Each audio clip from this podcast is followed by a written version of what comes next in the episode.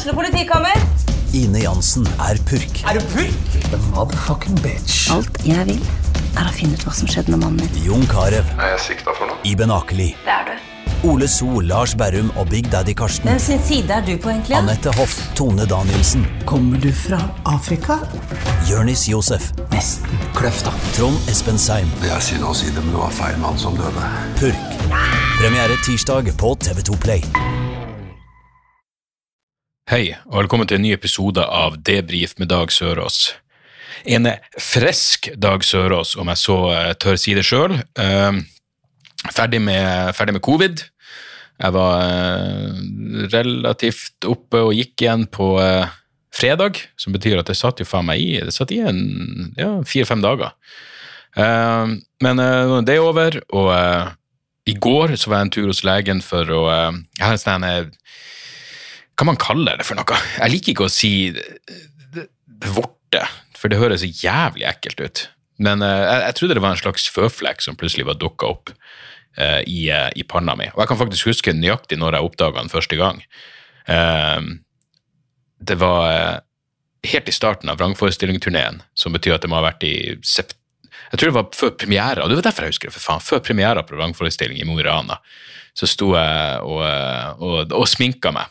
Men Jeg sto vel og prøvde å eh, gjøre meg presentabel i tryneregionen før showet, og så Det, det var godt eh, lys i det speilet, som, som sjelden er en bra ting, egentlig, når jeg tenker meg om. Men uansett, da så jeg etter, annet, en eller annen fuckings Lemmy, Lemmy Killmeister-lignende utvekst i skolten min. Jeg husker jeg sa det til, til Stian og Hanne, som var med meg på turen fra, fra Feelgood, at uh, faen, det er et eller annet et eller annet rart i Og det her er det siste jeg trenger å fuckings begynne å tenke på samme kvelden som jeg har premiere, uh, når jeg bør fokusere på, på materialet mitt. Men uansett. Det er jo uh, godt over ett og et halvt år siden.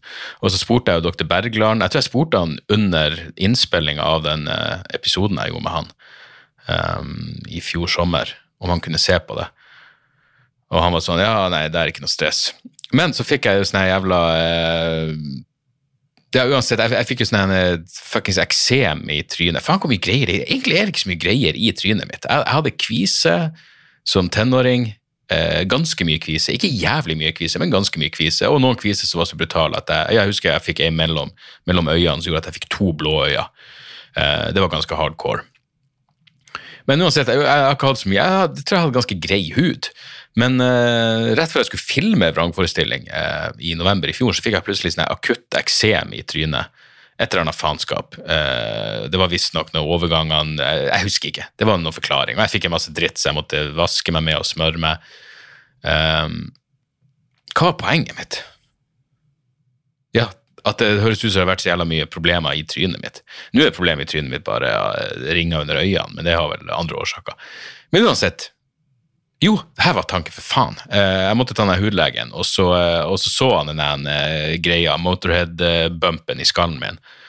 Og så sa han hva det her er for noe. Jeg bare, jeg, jeg vet da faen, den, den har jo vært der lenge. Og han bare, har det? Jeg bare, da blir du sånn småstressa. Så han, den burde du fjerne. Så jeg, ok. Da, og så glemte jeg det vel egentlig. Og så kom jeg plutselig på faen, det var det der, ja, egentlig burde man jo utvekste, som til, i tillegg forandre seg, bør man jo absolutt fjerne. Så jeg bestilte time hos legen, og den har jeg måttet utsette et par ganger, men uh, i går kom jeg med omsider dit. Og så regner jeg med at han bare ser på det her, og så kanskje hvis han sier at det her burde du kappe bort, liksom akkurat i hårlinja, så det ser jo stygt ut fra rette eller feile vinkelen, alt ettersom. Um, men jeg regner med at da fikser han vel Hvis den må fjernes, så fikser han vel noe, noe Jeg vet da faen, noe time under kniven på et senere tidspunkt. Men han bare tok det der og da. Han bare gikk inn på kirurgisk og så at det var ledig, og så gikk han inn der og bare fjerna faenskapet. Så det var jo jævlig greit. Nå er jo problemet at uh, jeg spurte jo hvor lenge skal jeg egentlig For jeg fjerna den bandasjen, og nå har jeg et plaster på, men jeg vet da faen hvor lenge jeg bør ha det her plasteret. For nå har jeg sånn jeg, jeg, jeg vet da faen hvorfor vi har Mikke Mus-plaster i huset, men det var det eneste jeg fant. Så jeg har et svært jævla Mikke Mus-plaster midt oppi panna, og det, det gjør seg jo ikke når jeg skal ha show uh, både i morgen og torsdag og fredag. Uansett, det er jo uh, det er jo bagateller. Eh, så han, skulle, han skjærte noe annet. Så enten kunne han fryse av den dingsen, han kunne fryse den og så bare Jeg vet da faen. Rive den av. Gudene vet. Jeg vet, skulle gjøre noe sånn Hva faen var det de gjorde i Terminator 2? Var det flytende nitrogen de hadde når de endelig fikk drept han T1000? Så ja, han, de hadde han i flytende nitrogen, og så skøyt Schwarzenegger han i tusen biter. Og så kom han vel han, Faen, han samla seg vel sammen etter det. Det var først når han ble kasta ned i eh, denne jævla lavaen at han døde. Uansett, whatever. Det er ikke så nøye. Uh, han, han, kunne, uansett legen sa han kunne fryse av faenskapet. Men, han, men hvis vi skjærer den av, så kan jeg ta og sende den inn til laboratoriet, så kan vi se at det ikke er noe, eh, noe, noe skumle greier. Så jeg bare, da går vi jo selvfølgelig for det. Jeg mener, jeg er ikke hypokonder lenger, men jeg vil jo heller, heller få vite om det blir et arr. Det er verdt et arr. Det er verdt et fuckings arr. Um, for, å, for, å, vite at ikke det her er noe, noe uhumskheter. Så, uh, så ja, så den er i hvert fall sendt inn, og, uh, og, og alt det der. Um, jeg skulle egentlig åpne med å bare si at uh, Fordi jeg er jo faen meg lovlig seint ute med alt. Men jeg satt jo her i, i fjor sommer. Tror det rett etter at jeg hadde fått første vaksinedose, tror jeg faktisk. If Memory Serves Me. Og da um, begynte jeg å tenke på at faen, det er jo faen meg 20 år siden jeg gjorde standup første gang, i mars. Uh, 5. mars 2002 opptrådte jeg for første gang på uh, Hans og Grete i, Trondheim. Og um, så husker jeg satt og tok meg et par øl og feira vaksiner. og det var finvær og, finvær og faenskap. Og så tenkte jeg faen, lurer på, jeg burde gjøre et eller annet for å markere 20 år. Og så og på det tidspunktet på sommeren, jeg, da innbilte man vel ja, ting blir jo åpne opp snart, og jeg, jeg vet da faen hvor man var mentalt. Men så så jeg at 5. mars 2022 i tillegg på en lørdag, så jeg bare faen, det må jeg i hvert fall gjøre et eller annet. Og så ble nå pandemien fortsatte nå, og jeg glemte noe av ting, og plutselig så så finner jeg ut faen, for jeg hadde jo noen ideer og noen folk jeg ville ha med meg og få flydd inn og, og alt det der. Men og så tenkte jeg jeg kan gjøre det på Njø scene, men så var jeg så seint ute med alt at uh, lørdagen var jo opptatt, så det blir 4. mars. Så fuckings lang historie kort. 4. mars skal jeg omsider uh, feire 20 år på scenen, og måten jeg gjør det på, er at jeg tar med tre komikere som jeg elsker. Og så, så er jeg konferansier, og jeg er jo vanligvis aldri konferansier. Jeg, jeg, jeg faktisk prata med noen på Latter på, på, lørdag, og så var det et eller annet som sa han, og du kan jo ikke være konferansier i forbindelse med et eller annet. Jeg bare nei, jeg kan. Jeg har ikke noe lyst. Jeg liker ikke å være konferansier. Men når jeg skal feire meg sjøl, eh, at jeg faen meg holder på i jeg vet faen, 240 måneder, eller hva det blir, som komiker, da, da kan jeg være konf. Da er det jo, det er mitt publikum. Og, eh, så jeg skal ha med eh, Kevin Kildahl, Bodøs store sønn. Jeg skal ha med Malene Stavrum, eh, en av mine nyere favoritter, og min kjære, eh, min kjære, kjære, kjære Hans Magne Skar. Så det blir jo eh, knall som faen. Så billettene er ute nå. Det blir fredag 4. mars klokka åtte på Njø scene. Så um, ta nå gjerne turen. Det er ikke så Jeg, jeg vet da faen, det, jeg vet ikke hvor mange det er plass til på Njø. 150 stykker eller noe sånt. Uansett, får jeg være hvis du kunne tenkt deg få mer av det. For, for meg nå, det blir bare unnskyldning for en fest. Så jeg skal være konferansier, jeg får jatte litt om, om min spede begynnelse som komiker, og så teste ut noe av de nye greiene jeg har, og så, um, og så, og så gjør de andre sitt, og så, så tar vi en fest. Det, det, er liksom bare det jeg tenker eh, er hele greia. Festen blir jo både før, under og, og etter. Så, um, så jeg, jeg, er glad jeg fikk fingeren ut. Det, det, er, ikke, det er, ikke, mye jeg gjør her, men jeg, jeg gjør nå en liten innsats eh, for å faktisk eh, ja, for å faktisk ha en liten markering av, av 20 år på scenen. Så, så billettene ligger ute nå på Ticketmaster. Hvis du bare slår inn Dag Sørås, så kommer det opp. Eller så kan du gå på hjemmesida mi, dagsoras.com slash hvor, og så får du opp eh, link til, til, billettene. Så det blir knall. Fredag 4. mars klokka 20 på Njø scene oppe på Torshov. Jævlig fet scene. Så um, gleder meg som faen. Ellers så sto jeg jo på, eh, på Latter nå på uh, lørdag, um, og det var to show der. Og da, da, fikk man virkelig Jeg mener, det er faen meg lenge, lenge siden jeg bomba sånn som jeg gjorde på det andre showet. Helvete! Det er Altså, det, det å bombe, det å tryne på scenen, er jo en uunngåelig del av det å være komiker. Så fremst du har noen form for kreativitet i det. Så fremst du noen gang tester ut materialet og i tillegg kanskje er villig til å ta en sjanse eller to, så, så, så kan det gå galt noen gang. Eh, Og første showet gikk kjempebra. Og eh, Ja, det var helt topp. Jeg var faktisk veldig fornøyd. Og, eh, og andre showet gikk Halve showet gikk bra, og så tenker det bare totalt. Det var faen meg Malaysian Airlines eh, 370 rett i eh, det indiske hav. Helvete. Det, og de skifter så jævlig. Og det, det, er så, det er en ting hvis du bare går opp, og så kommer du skjevt ut, og du bare, de, her- de folkene liker meg ikke. Sånn er det nå bare. Det er en ting. Men når de, når de er med på greia di i starten, og så er det bare total fuckings eh, Tsjernobyl på, på siste halvdelen, så gjør det noe med deg. Og på, litt av problemet, det her er satan det lenge siden jeg hadde denne følelsen, men eh, jeg skulle gå ut i, i baren etterpå og bare ta, ta et par, par pils med noen av de andre komikerne som hadde stått, og det var nesten et sekund der hvor jeg var selvbevisst når jeg gikk ut og satt meg. Fordi jeg tenkte, her er jo de folkene som var på showet. Noen av dem henger jo sikkert igjen i baren, og jeg vil ikke ha noe øyekontakt. Vil, det er bare mest fordi du ikke har lyst til at noen skal komme og si ja, det der gikk jo. Og det var det første som skjedde.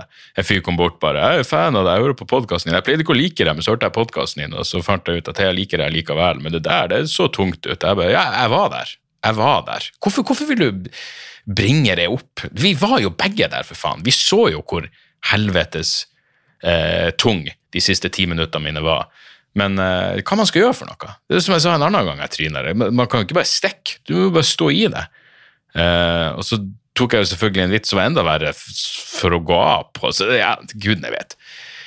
Det gikk nå sånn som det gikk, men, men, men det, det, det er jævlig der og da, og så, eh, og så gjør det noe med det. Eh, og eh, oppriktig talt, ja. Det, jeg, jeg er så glad at jeg ikke feiga ut og gjorde noe safe for å prøve å berge meg inn, at jeg ikke gjorde noe, noe gammel jeg, liksom, jeg, har, det her, jeg, jeg tenkte fra, fra fuckings jeg var ferdig med vrangforestillinga, jeg skal ikke gjenta de vitsene. Noe mer. Jeg må, uh, ja, jeg trenger nye ting. Jeg skal ha 20-årsjubileumsshow snart. Så, um, så sånn er nå en gang det. Um, utenom det så er det godt å se at tilsynelatende har vi unngått eh, tredje verdenskrig nå. Nå skal det sies, jeg spiller det her inn på tirsdags kveld, og eh, hvem vet, eh, ifølge amerikansk etterretning så kommer jo invasjonen på onsdag. Jeg likte at Putin kødda med hvordan klokka, hva er klokkeslettet, når er det vi skal invadere? For TV 2-nyhetene er jo faen meg blitt et rent talstrø for amerikansk etterretning. Og det var så flaut å se Anniken Huitfeldt bli spurt nå i sted på, eh, på nyhetene. Har Norge noen egne kilder når det kommer til den her påståtte, nærstående russiske invasjonen? Og hun sa nei, altså, vi, hører jo, vi hører jo hva de sier, og vi, vi, vi, vi, ser jo at det, Ingenting. Jeg tror til og med reporten sa noe sånt som eh, Så det her kommer bare fra USA, og bare nei, vi har egne, vi har egne folk. Egne folk som er ute og skaffer etterretning. Og eh, ja, nei, eller så hører dere bare på amerikansk etterretning, som selvfølgelig aldri har tatt feil før. Det, altså, det, det, det er så paradoksale Jeg mener, du har den krigshissinga, eller den, den, den, den fryktskapinga, og så er det sånn men i Kiev så er folk helt rolig. I Ukraina De er intervjua er liksom, Vi vet ikke hva som er galt med folk, men folk i Kiev ser ikke ut til å være stressa over den nærstående russiske invasjonen. Vel, det kan være kanskje de ikke ser på fucking CNN eller TV 2-nyhetene. Vet da faen om TV 2 er stor i Kiev. Og eh, Ja, nei, så det virker bare Jeg tenkte bare det virker absurd at For jeg mener, hva vet jeg? Fuckings Putin er en iskald fuckings morder. Jeg mener bokstavelig talt. Men ideen om at han bare skal invadere et land med 44 millioner innbyggere, som om det er noen form for jævla walkover Så igjen, jeg kan jo ikke vite, men nesten så nonsjalant holdning til jeg mener, hvis, hvis du virkelig tror at, at, at Russland skal invadere Ukraina, og at Nato skråstrek USA skal reagere militært på det, så burde du være atskillig mer redd for det enn fuckings covid. Jeg mener virkelig. Og stakkars Stoltenberg, jeg, jeg, jeg snakka om det på scenen på Latter, men faen hvor, hvor kjipt for han hvis tredje verdenskrig starter akkurat når han skal gå fra generalsekretær i Nato til fuckings sentralbanksjef. Hvor kjipt er ikke det å gå fra, fra, fra krigshisser til regnskap? Det er jo en total nedtur. Men uh, det var faktisk eh, på eh, på uh, Ja, det må ha vært på fredag, så skulle jeg selge Jeg skulle selge jeg holdt på å si paden min.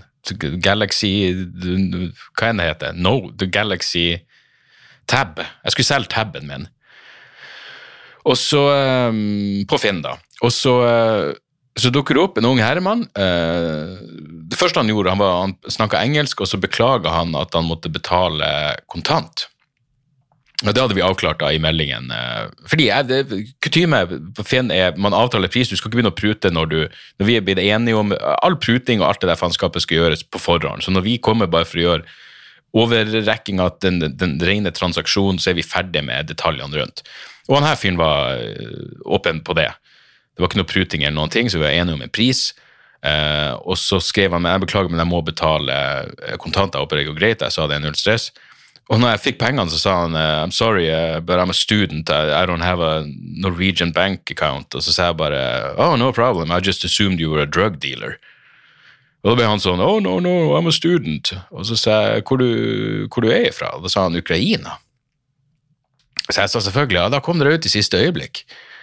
Men han tok det sånn seriøst. Han bare No, I don't think anything's gonna happen. Jeg bare Ikke jeg heller. Slapp av. Eh, det, var, det, var, det, var, vits nummer to på kort tid, så du burde skjønne at jeg kødder litt. Jeg, jeg, trodde heller ikke at du var en drug dealer. Jo, det gjorde jeg faktisk, for å være helt ærlig. Men uansett. Eh, det var litt gøy at han var fra Ukraina, og, og kokrolig. Og jeg hadde en sånn eh, Det her er noen uker siden nå, men jeg hadde en frem og tilbake på Twitter med hva er det han heter? Preben Preben Aavitsland. Han, han, han, legen som ble berømt for den tweeten hvor han skrev det var den pandemien i juni 2001. Men jeg følger han, og uh, ingen grunn til å Ikke noe negativt å si om han, men han skrev en tweet som irriterte meg nå inn i helvete. Um, for han skrev noe sånt om at Han skrev jeg var 30. januar. Når kommer fredsmarsjen mot Russlands krig i Ukraina? Noen planer hos dere? Og så tagger han Norges fredsråd eller SV-parti. Jeg tenker på noe som dette utenfor Russlands ambassade på Drammensveien. Og så linker han til en uh, sak fra Radikal portal om, uh, om uh, antikrigsdemonstrasjonene før krigen mot Irak. Som jeg syns er en pervers ting å sammenligne. Mener, hvor, hvor er sammenligninga mellom eh, det han påstår er Russlands krig i Ukraina, kontra angrepskrigen mot Irak i 2003. Så jeg skrev er det snakk om at Norge skal bli med på en angrep, angrepskrig mot Ukraina. Om ikke er jo dette en meningsløs sammenligning. Da svarte han sammenligninga gjaldt at man bør demonstrere mot dem som planlegger krig. Og jeg skrev jeg demonstrerte i 2003 primært for å hindre at Norge ble med i krigen. For det var det jeg kunne bidra til å påvirke som norsk borger. Og jeg tviler på at jeg var alene i den tankegangen, men du mener kanskje antikrigsaktivisme er ren symbolikk. Og så ble den en frem og tilbake, og, og han endte opp med å si ja, krig er helvete, og jeg bare ja, det, det er jeg jo helt enig i. 100% enig. Men det er noe mer der. at liksom, Du må gjerne demonstrere mot fuckings eh, barnearbeid på Elfenbenskysten. Absolutt. Men desto viktigere er det å demonstrere mot ting som du faktisk kan påvirke, og som du på et vis i et demokrati faktisk har moralsk medansvar for, som er hvis Norge jeg vet ikke, går til angrep på, blir med på et angrep på Irak, eller bomber Libya, for den saks skyld. Um, jeg syns bare det var en fuckings ræva påvirkning og en nedlatende uh, Og han mente ja, men kan vi påvirke Nato i mer uh, offensiv retning. Og det, sånn, ja, du, du, det trenger vi. vi. vi. trenger å gi uh, Stoltenberg et spark i ræva, så han blir litt mer fokusert på, så, så, Stoltenberg blir litt mer aggressiv i sin jævla posering vis-à-vis Russland. Det er det vi trenger. Virkelig, virkelig fuckings ikke. Og som jeg har sagt mange ganger før, og som jeg gladelig sier igjen, jeg tror den mobiliseringa i Norge, spesielt da kirka heiv med, det var utslagsgivende for at Norge ikke ble med, mer enn den lille graden vi ble med, på krigsforbrytelsen som var angrepet på Irak i 2003. Så, så uansett, jeg så en annen gladsak om eh, Nestle. Nestle. Nestle. Jeg sier Nestle. Jeg vet da faen. Jeg har egentlig aldri eh, Er det noe sånn eh, Skal vi se her How to pronounce Jeg har aldri googlet eh, Nestle. How to Skal vi se her, to sekunder.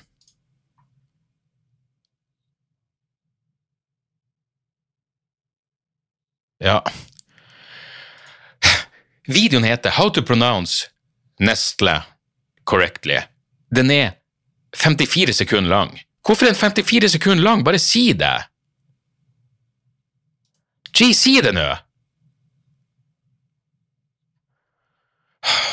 Herregud, nå prater han om Sveits. Ne Nestle. Nestle. Ok, for faen, da. Nestle. Selv om jeg håper ikke jeg høres ut som en av de dildoene som sier Ja, så var, så var jeg en tur i Afghanistan. Si nå Afghanistan, for faen.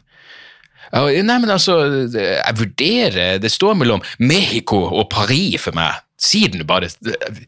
Nestle. Nå har jeg allerede glemt hvordan han sa det, men Nestle, for faen. De er nå eh, saksøkt eh, for eh, barnearbeid. Og ikke bare eh, Altså, det, det, det er et søksmål i USA mot Mars eh, og Nestle og Hershey. Hershey har vel uh, Hershey Bars, jeg vet da faen om det er om det er noe som man får kjøpt i Norge. Men uansett. Uh, fordi og, Nestle er jo Jeg tenker først, først og fremst på iste når jeg tenker på dem. Og så selvfølgelig flaskevann. Men de lager jo babymat og frokostblanding, kaffe og te. Men de er tydeligvis de er ganske sånn forhatt. Eh, sånn Monsanto er jo det klassiske genmodifisert eh, Men Monsanto er jo hata på syltynt grunnlag i mange, i mange tilfeller. Jeg tror jeg det er veldig sånn ja, venstre eller eh, anti-GMO-fanatikere som bare har fått for seg at eh, Monsanto er, er Satan sjøl. Men Nestle, helvete, der er, det noe, er det noe darkness ute og går.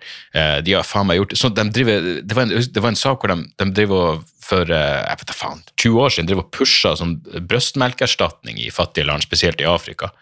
Og sa at brøstmelkerstatninga er like næringsrik som, som uh, ekte brøstmelk. Uh, problemet var at du måtte tilsette vann til den brøstmelkerstatninga. Og når du kommer da til lutfattige land i, eh, i Afrika, hvor du faen ikke kan drikke vannet, så må du selvfølgelig koke vannet. Problemet var jo at instruksene funka ikke, fordi det er høy grad av analfabetisme i, i, i mange fuckings fattige land i Afrika. Så de, drev, de, det endte jo opp med at de blanda det med forurensa vann. Så når faktisk Nestle sa at den, de hadde sånn Hva faen var det så? Den, den lille babymagen vil ikke merke forskjell på morsmerkerstatning og, og, og, ekte morsmelk. Men når vi blander med forurensa vann, og koleraen slår inn, så tror jeg babymagen merker forskjellen. I tillegg så mangler jo det til erstatninga. Det mangler jo næringsstoffer, antistoffer som man får med morsmelka. I tillegg så får du jo ikke patte på jur hvis du får morsmelkerstatning, ikke sant? Så det er jo tap-tap. Nestle har også vært mot at vann skal være en rettighet. Det skal bare være et behov, ikke en rettighet. og Det er et behov de kan tilfredsstille, da, også, tilfeldigvis også. Mener, og når, du går inn for privatisering av vann mener, det, Privatisering av vann, det, det er så satanisk eh, som, du, eh, som, du, får det. Jeg tror også de har drevet, jeg så en greie om at Nestle har drevet bare tappa vann fra krana rett på flasken, og så selger det. Det er genial salgsteknikk.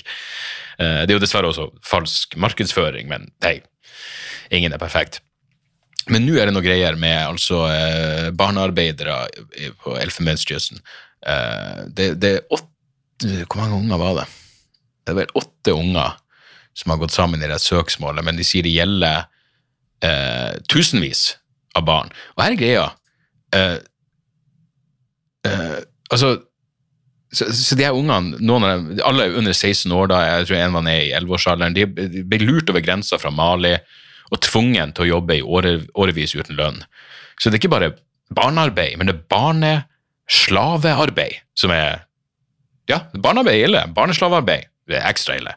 Um, og ikke, tror jeg, de, jeg tror ikke de fikk noe gratis sjokolade heller av å gjøre det. Um, og Elfenbenskysten produserer visstnok 45 av, av all kakao i verden. Så du skulle tro at det ga landet en slags økonomisk og strategisk fordel. For så vidt jeg vet, så selger jo sjokolade bra. Jeg, mener, jeg tror ikke Nestle og fuckings Mars er på konkursranden. Uh, og de Ungene må, de har jobba med, gjort livsfarlige ting. Med, jobba med farlige kjemikalier, jobba med machete. Så de har fått masse skader pga. det. Da må du vokse opp fort. Når du får, noe, du får gift i den ene hånda og en fuckings machete i den andre, og så skal du gå ut og tjene holdt jeg på å si tjene, ikke tjene, bare ha livets opphold. Jobb hardt for ingenting. Og det er selvfølgelig folk som påstår at det her fører Det ikke bare er moralsk forkastelig, men det, det bidrar til å holde Elfenbenskysten fattig, som er en humanitær katastrofe i seg sjøl. Det sånn ja, det, det var en greie på nyhetene i sted om at matvareprisene er så høye, men altså, om det så kosta fem kroner mer for en Mars-bar, så ville det vel vært verdt det hvis du visste at det ikke var barneslavearbeid involvert. Men i lengden, ja. Og Nestle har uttalt at de aktivt jobber mot barnearbeid. Eh, dog kanskje ikke barneslavearbeid, men det har de sagt i 20 år uten noen forbedringer. Mars på sin side de nekter å uttale seg. Uh, så jeg blir å boikotte Mars fra nå av. Uh, mest fordi sjokoladen suger. Men uh, barneslavearbeid kommer inn som en tight nummer to på lista over boikottrettferdiggjøringer. Um, faen, Mars suger. Hvis, vet du, hvis, og det her mener jeg dessverre seriøst. Hvis Carl Faser tyrkisk peppersjokoladen hvis, hvis, hvis det viste seg via et søksmål i USA at tyrkisk peppersjokoladen har rituelt ofra babyblod i kakaoen, så ville jeg fortsatt spist faenskapet. Det er ingen tvil. Det er ingen tvil. Men sånn som det står seg, så kan jeg klare meg uten det jævla eh, kranvannet til Nestle og ræva sjokoladen til, til Mars.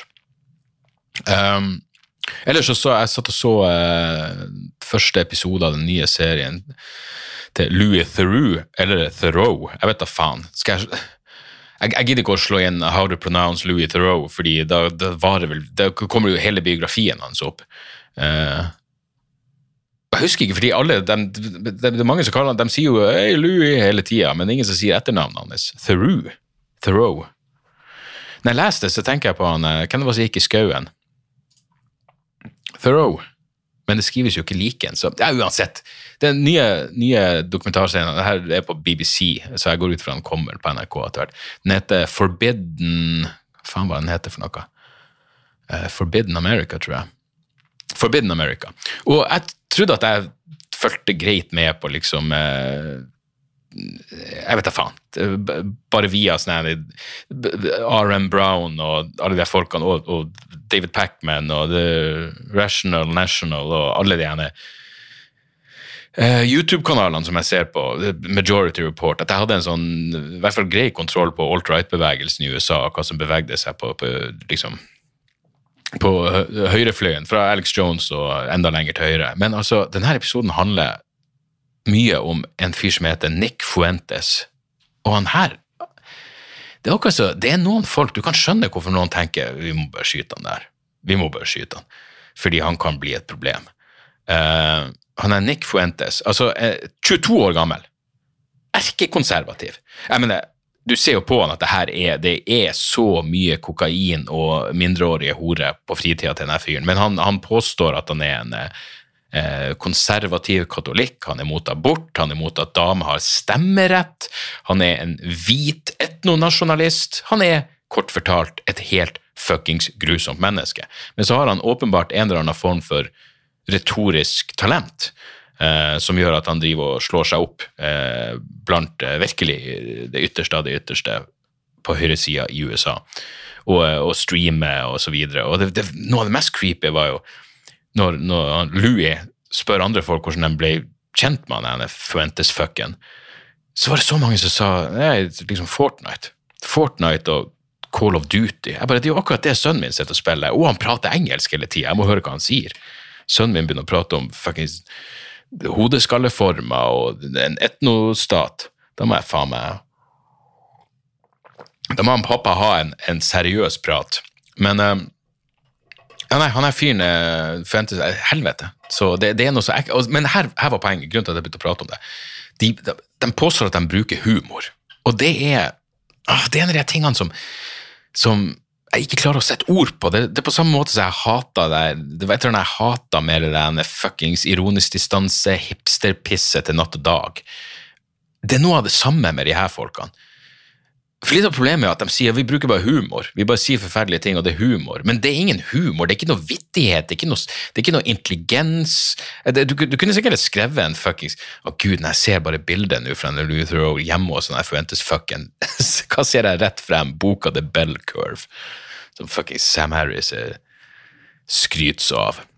Um, men uansett humor. Hvordan humor? Det, det, at de sier at jødene kontrollerer media, og ingen av dem blir drept under holocaust. Så er det sånn, det er bare humor. Ja, Men det er jo ikke noe gøy. Det er jo ikke en vits der. Det er jo ingen punchline. Ja, vi bare sier de feile tingene. Det, det er ikke noe gøy.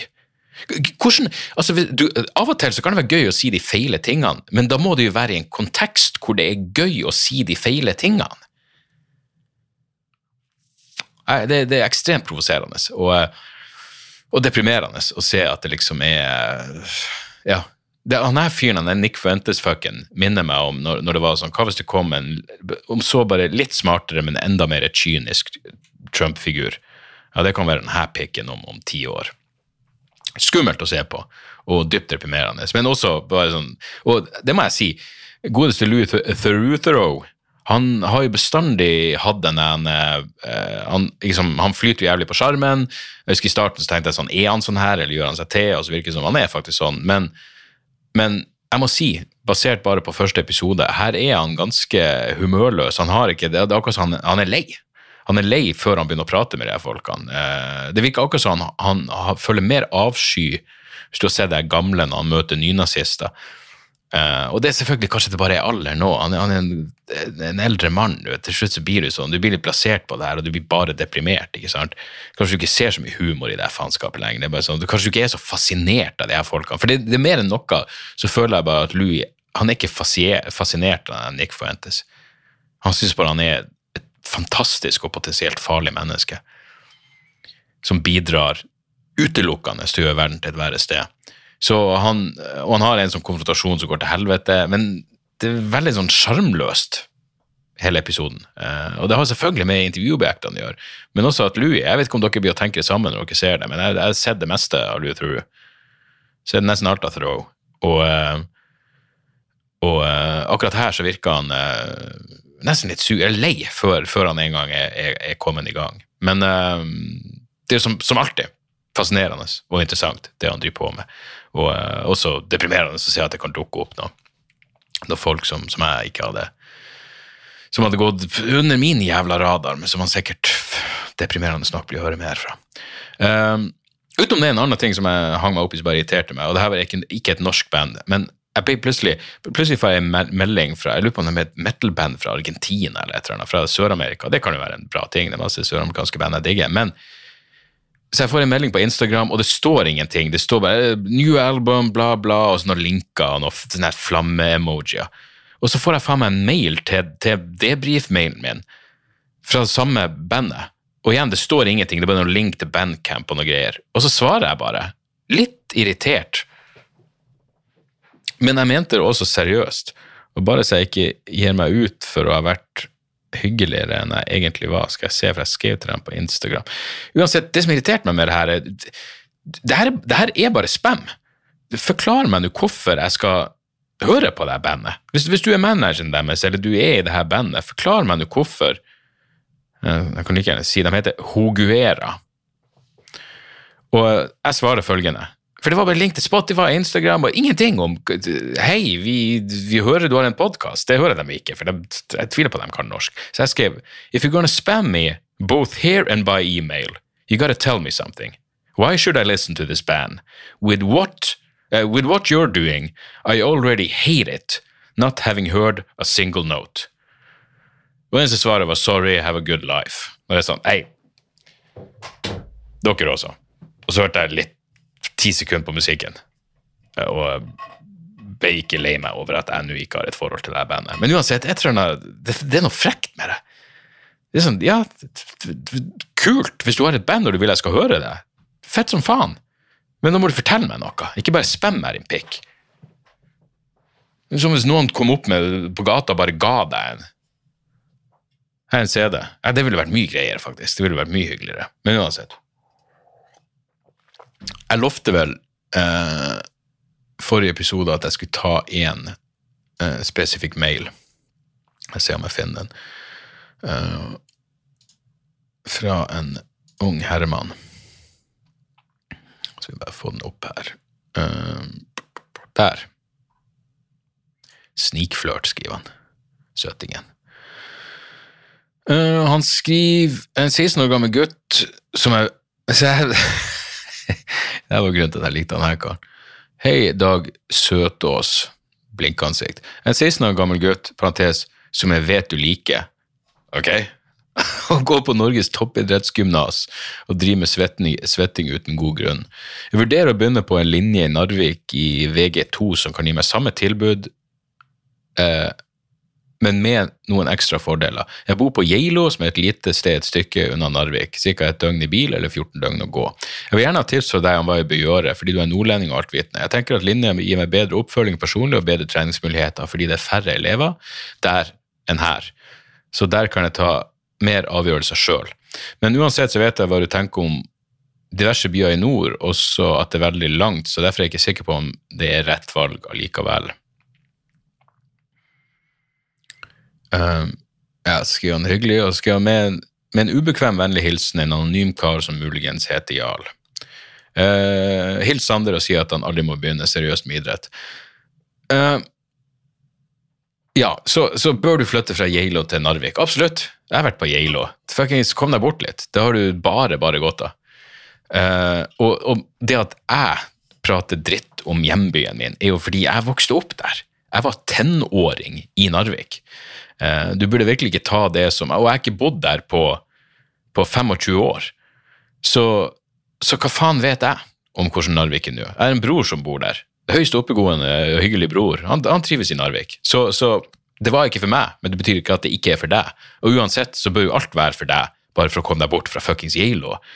Og hvis, hvis, skoletilbudet, som du ser ut til å mene, er, bedre i Narvik Selvfølgelig! Du er 16 fuckings år. Bare, bare, det at du kan komme deg bort hjemmefra i en alder av 16 Jeg var altfor treg med det. Jeg var faen meg 1920 før jeg flytta hjemmefra. Kom deg for helvete bort, mann. Uh, det kan godt hende du blir og stortrives.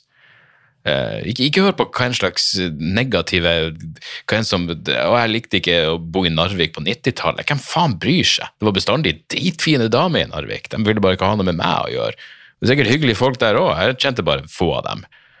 For jeg var en inneslutta, fuckings påtatt weird tenåring med rare interesser. Nei, Kjør på, for faen. Og hvis du ikke liker det, du er 16 år, for faen. Da er du der et år eller to, eller hvor enn lang tid. Hvor lang tid tar det å bli toppidrettsutøver? Kan ikke ta så jævla lang tid. Så prøver du Narvik et år eller to, og hvis du ikke liker det, så bare flytt tilbake. Kjør på, for faen. Uh, hva enn jeg må ha sagt om, sagt om hvordan som helst plass, så betyr det ikke at ikke du vil like det der. Så jeg, jeg ville bare få det ut. Um, ja, ja, jeg syns Narvik er en fuckings tragisk by. Men det kan godt hende at du har det dritgøy der, når du kommer utenfra og er en eksotisk og veltrent 16 år gammel gutt. Oh, jeg sikler bare jeg sier det. Nei, kjør på, anonyme Jarl. Kjør fuckings på, og kom gjerne med oppdatering når du har fått, få, blitt innlosjert. Så kan du jo dra på Malmen og ta deg øl, øl, for helvete. Bare pass på at ingen i lokalbefolkninga ser deg, får de lyst til å klinke deg rett ned. Slår deg ned med bordet og sier 'Hvem i faen er du?' Jeg faen, jeg tror Malmen er lagt ned nå, forresten. Ja, uansett, de har vel Gå på Narvik-gutten, det er min favorittplass i Narvik. Det er der alkisene henger. Knallplass. Knallplass! Nei, kom deg, kom deg bort fra Geilo, det er det første. Og så, eh, og så, tar, du det, så tar du det derifra. Uansett, det var, eh, det var det vi rakk denne uka. Um, hadde jeg noen tips helt på slutten? Jeg hadde vel det. Jo, eh, jeg så denne filmen eh, Pig med, med uh, Nicholas Cage. Jeg, jeg digger han. Det er en sånn trøffeljeger, noen stjeler grisen hans. og Den har fått blitt litt sånn kultfilm. Jeg så til og med Barack Obama hadde en som en av sine favorittfilmer fra 2021. Ja, det, det kulturelle ikonet Barack Obama. Men uh, jeg, digger den. Den var snodig, og søt og rar. Jeg kjenner ikke til Michael Sarnowski, han regissøren, men jeg ser at han nå driver og lager A Quiet Place 3. Og jeg digga de to første, i hvert fall den første var dritbra. Så, så det kan jo bli spennende. Men Nicholas Cage er jo fuckings dritbra i denne filmen. Og den er, ja, den, er snodig, men det er, sånne, det er noen filmer som bare fester seg litt i hodet. Uh, så den ligger på syv på IMDb. Så uh, rull gjerne innom en kino og få med deg, og få med deg Pig. Og så Uh, ja, så så jeg en dokumentar ligger på YouTube fra Vice, en helt ny dokumentar som heter Life in uh, Life in Den heter Life in the Taliban's Afghanistan. Uff.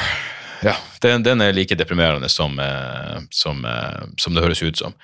Uh, ble lagt ut 13. februar. Det er jo, Jeg må innrømme at jeg har en crush på journalisten Isobel Young fra, fra, Storbritannia, faktisk. Så fin også fra Storbritannia. Kan det stemme? Jeg syns hun er vakker og, og, og, og, faktisk badass, modig journalist. Helvete, hun har vært noen, i noen krigssoner.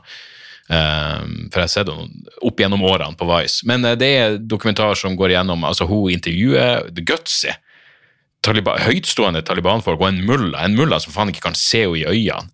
Så han sitter rett over henne, men han, man må sitte litt på sida, så kan han ikke se henne i øynene. Og hun tar av seg den grusomme jævla burkaen, så sier hun bare 'It's hard in this thing'. Og han kan ikke engang se på henne. Litt dårlig humor på mullaen. Men hun intervjuer dem, og så, men noe av det mest deprimerende er jo selvfølgelig Det er jo en sultkatastrofe i Afghanistan. Ha det i bakhodet når liksom eh, hvem enn fuckings kritiserte oh, skal vi bare trekke oss ut fra Afghanistan, hva med afghanske folk? Ja, hvor, mye bryr de seg nå? når fuckings millioner kan fuckings sulte i hjel. Men det er altså så jævla triste scene der. Og så er hun inne på ei fødeavdeling, og det er Ja, da, da, da spør hun ene jordmora sånn eh, For det er en baby så det suser er en røff fødsel, og en røff fødsel i Afghanistan, en fuckings røff fødsel. Jeg tror ikke det er så mye smertestillende som går på der. Der får du bare walk it off etterpå.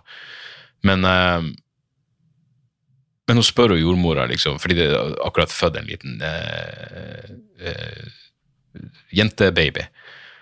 Så spør hun hva tenker du eh, hva, hva, tenker du om liksom, mulighetene denne ungen vil ha å liksom, vokse opp i Afghanistan? Og sa bare jordmora jeg blir lei meg hver gang ei jente blir født i Afghanistan. Og det er sånn, fuck, det er deprimerende tanke. Dypt, dypt deprimerende tanke. Um, så, um, så ja. Deprimerende eh, dokumentar, men eh, et eh, ja, fortsatt viktig innblikk i, i eh, Afghanistan per nå. Og så må jeg anbefale en fantastisk ny podkastserie som heter Things Fell Apart. Den nye serien til John Ronson. Helvete, den er bra. Det, handler liksom om opphavet til mange av kulturkrigene. og Jeg har fortsatt noen episoder igjen, jeg er vel litt over halvveis, men det er altså så jævlig bra. Hvis du, hvis du, vil, hvis du vil, høre om bare historie om hvordan eh, hvordan en, dokument, en dokumentarfilmskaper med kristenkonservative foreldre på mange måter gjorde evangelistene i USA til antiabortaktivister, som igjen førte til at, at abortleger ble skutt. Han drar en sånn linje der som er ja, Det er John Ronson på sitt beste. Han er jo fantastisk. Eh, han har jo skrevet noen helt nydelige bøker. Men So You've Been Publicly Shamed er mine favorittbøker gjennom tidene. Psychopath Test, Them, The Men of Steric Goats. jeg mener, Alle bøkene hans er bra. Og også lagd noen podkastserier som var så fantastiske, om er August Ames og om uh, pornoindustrien. Men denne Things Fall Apart er altså um, Ja, det er så jævlig bra. Det er John Ronson på sitt beste. Og da er det jævlig, jævlig bra. Og så må jeg avslutte med å si at jeg omsider er ferdig med den uh, siste boka til Johan Harry, Stolen Focus. Og jeg likte jo den boka, men uh, sist jeg prata om den, kanskje det var på en Patrion-episode, så var det hvert noen som skrev til meg at det ikke alle som er så uh, overbevist av denne boka.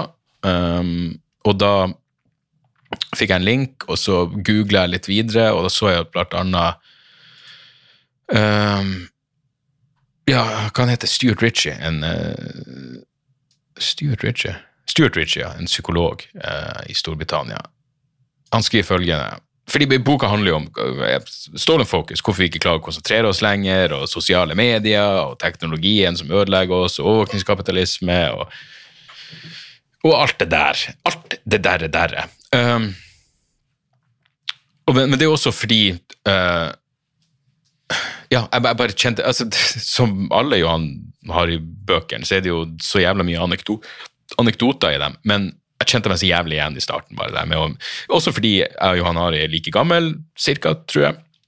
Og han også jeg, jeg, kjenner meg igjen altså Han er sånn boknerd, glad i å lese, og så merker han at han ikke klarte å konsentrere seg lenger. alt det der, Jeg kjente meg veldig igjen i det. Så jeg ble veldig sugd inn i den boka, og etter hvert så blir det sånn Ja, ok, det her har jeg hørt før, fordi liksom jeg, ja, jeg leser Shoshana Zuboff, jeg har sett The Social Dilemma, og det, det, her er jo egentlig common knowledge. Og han er nok litt skyldig, og det er en av de tingene som, som Stuart Ritchie kritiserer han for. At uh, han er veldig glad i å presentere selvfølgeligheter som om det her er noe helt unikt som han akkurat har funnet ut. Han kan sammenligne det med et jævlig bra sitat som noen sa om Freud. hvor han sa eh, Se om jeg husker det nå, faktisk. Eh, eh, om Freud sa noen eh, Det han har av nye teorier, er ikke sann, og de sanne teoriene hans er ikke nye. Det var noe sånt. Det er det han sa om Johan Hari. Uh, og det, her, det han Stuart Ritchie skriver som kritikk, er blant annet han skriver It's not until more than halfway through the book, page 176, that Hari drops what should be a bombshell. We don't have any long-term studies tracking changes in people's ability to focus over time. In other words, he quietly admits that there isn't really any strong scientific evidence for the main thesis of the book. That despite how true the attention problem seems to many of us, that's despite how true the attention problem seems to many of us. It must be said that on closer inspection, the people I know who complain the loudest about not being able to focus are people who have still managed to write tons of columns, scientific papers, or even books in the past years. So ja, det er jo noe der. Uh, jeg ser også at noen mener at Hari, til tross for at han legger ut online-intervju, online, altså opptak av intervjuene han har gjort med de forskjellige forskerne, så kan det være at han gir uh, en misvisende oppsummering av deres tanker. Um, og det er jo absolutt verdt å ha i uh, det er jo absolutt verdt å ha i bakhodet. Men så er hovedkritikken er at ja, der Johan Hari påstår Jo, for det er, en ting som er litt flaut at han blir tatt på. For han sier han, jeg, husker, jeg, husker, faktisk det, at jeg ble på merke i det i boka. Han skriver at Facebook vil bare at vi skal møtes på Facebook, og, um, uh, og hva, hvis, hva hvis Facebook hadde en funksjon hvor du faktisk kunne se hvor vennene dine var fysisk, om du hadde noen venner i nærheten i det virkelige liv? Og så, så skriver han Richie her Except Facebook does have exactly the feature Harry claimed doesn't and couldn't exist. It's called Nearby Friends.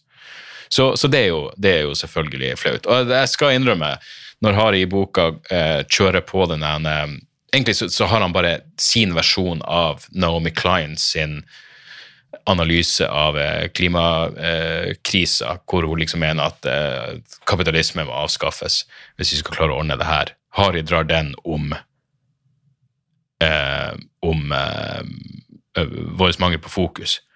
At det, det, er et kapitalistisk problem. Det er folk som må jobbe så jævla hardt. Så det er sånn, ah, ok. Jeg husker på det, Da tenkte jeg med en gang sånn Ja, folk jobber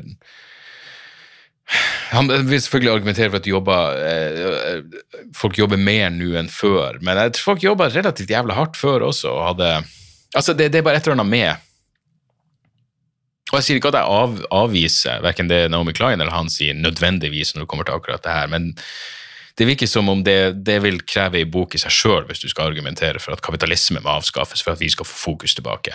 Men han har jo noen, noen, eh, noen uh, løsninger som jeg liker. For eksempel, det, det med å forby overvåkningskapitalisme tror jeg absolutt kan være på sin plass. Han foreslår en fire dagers arbeidsuke. Absolutt en god idé. Jeg støtter sekstimersdagen. Og så mener han liksom eh, på et sånn større plan så må man frigjøre barn fra, fra å bare være hjemme med foreldrene hele tida og skjerme. Det her er jo ja, alt som du kunne lese i The Coddling of the American Mind av Jonathan Haidt. Og jeg tror de tingene er sann, og det er vel der Johan Hari har sin funksjon. Han, han gjør en populærversjon av en masse forskjellige eh, forskning og teorier, og så gjør han det tilgjengelig. Og så selger det jævlig bra. Så jeg kan jo skjønne at noen blir bitter og sur på han. Eh, men eh, og innvendingen har sin plass, men jeg står fortsatt inne for at, at det er verdt å lese boka hans, Stolen Focus. Så der. Kjøp noen billetter til Njø 4. mars. If you pretty please. Og, eh, og utenom det så, eh, så, høres vi vel igjen snart. Eh, hvis dere vil ha bonusepisoder og ekstra ting og bla, bla, bla, gå på patrion.com slash dagsordas og bli medlem der. Og, så nå er jeg på 995 ratinger på iTunes. Kan ikke fem av dere kuker, hyggelige kuker, nydelige kuker 16 år gamle guttekuker? Jeg aner ikke. Kan ikke dere uh, Hvorfor i faen skal jeg like 16 år gamle gutter? Jeg mener, det er jo få ting i verden som er mer motbydelig eh, enn 16 år gamle gutter. Jeg føler faktisk at akkurat 16 år gamle gutter må være noe av det mest motbydeligste som finnes. 16 år gamle gutter er eklere enn 14 år gamle gutter, og 14 år gamle gutter er ekle. De er også eklere enn 18 år gamle gutter. Så det, jeg føler at på 16 år da er du, da er du peak ekkel. Mr. Geilo. Bare ha det i bakhodet ditt. Eh, uansett, hva jeg pratet om? Kjøp en fuckings billett! Jesus, kjøp en billett til Nye Scene 4. mars, og så håper jeg å se dere der. iTunes, for helvete! Det er 995 ratinger på iTunes. Kan ikke fem av dere fortreffelige mennesker gå inn og rate and review, så jeg er i hvert fall oppe i 1000 der, og så skal jeg aldri mer bry meg. Eh, Det viktigste uansett at dere hører på, det setter jeg pris på.